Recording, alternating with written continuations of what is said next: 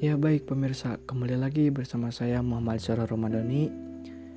Di sini saya akan membacakan sebuah berita yaitu yang berjudul tekanan yang bertubi-tubi demi membalikan keadaan.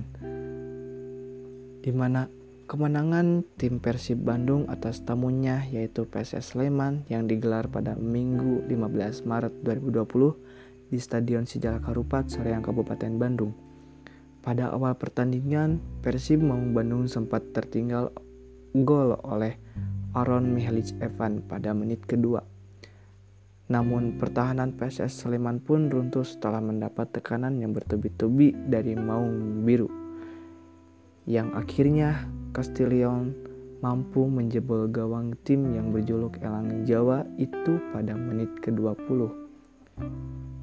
Golnya tersebut diawali dengan kombinasi apik bersama Ardi Idrus dan Wander Luis. Tendangan keras kaki kanan Castillion pun menembus gawang Eng Ega Rizky sebagai kiper dari PSS Sleman.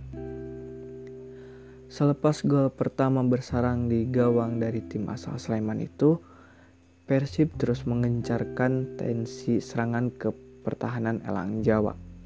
Dari tensi serangan yang dibuat tim asal Bandung pun bisa menghasilkan dengan berbalik unggulnya poin melalui gol Wander Luis pada menit ke-36 yang memanfaatkan umpan dari Supardi Nasir.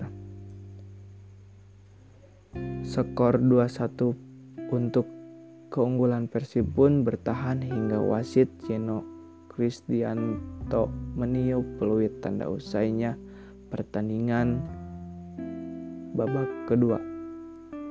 Mungkin cukup sekian berita hari ini.